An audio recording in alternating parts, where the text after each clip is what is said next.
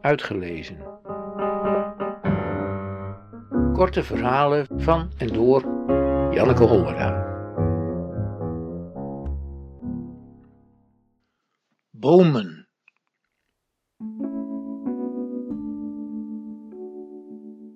Het is de grote S achter onze schuur die als laatste in blad komt en als eerste haar blad verliest. Het zijn de geknotte essen tussen onze tuin en die van de buren met hun knoestige oude stammen. De kleine appelbomen, die op wonderlijke wijze niet groter worden, maar wel ouder, die aan hun bemoste en holle takken elk jaar weer bloem en vrucht dragen. Het zijn de eiken uit mijn jeugd, de oude eiken langs de smalle klinkenwegen, de littekens in hun bast. Het zijn de dode eiken die hun grillige grijze takken naar de hemel steken. De donkere dennen met de lichtgroene varens daaronder. De kale lariksen op hun naalden tapijt en de oneindige zachtheid van hun lichtgroene knoppen in de lente. De vlier met haar zware geheimzinnige geur haar zwoele bloemen en zware trossen rood-zwarte bessen. De hazelaar met de duizend gele streepjes die van haar takken neerhangen. Achter de schutting de zachte grijze katjes van de wilg, die haar stam niet omhoog, maar over de grond uitstrekt. We gaan katjes plukken, zei mijn moeder in het voorjaar. Ik dacht, katjes.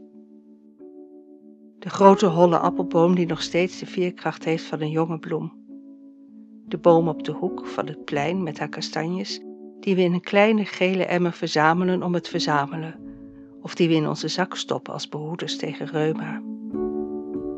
Hoge rode beuken met hun stammen van levende huid en de duizend stekelige vruchten daaronder, die knisperen onder je voeten. Waar niets onder groeien kan en toch, één keer, kantarellen de mooie linde midden op het plein met het kleverige bankje eronder, en de kleine ginkgo met haar gele kroon. Ik droog haar blad tussen de bladen van een boek tot bladwijzers. De zeedennen op het eiland met hun voeten in een bed van turf omdat ze anders zouden verdrogen in het duinzand. De lijstbes ligt op aan de rand van het bos.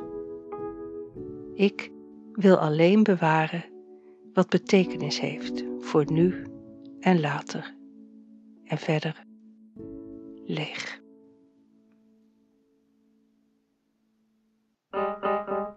Uitgelezen. Techniek. Redwing Producties.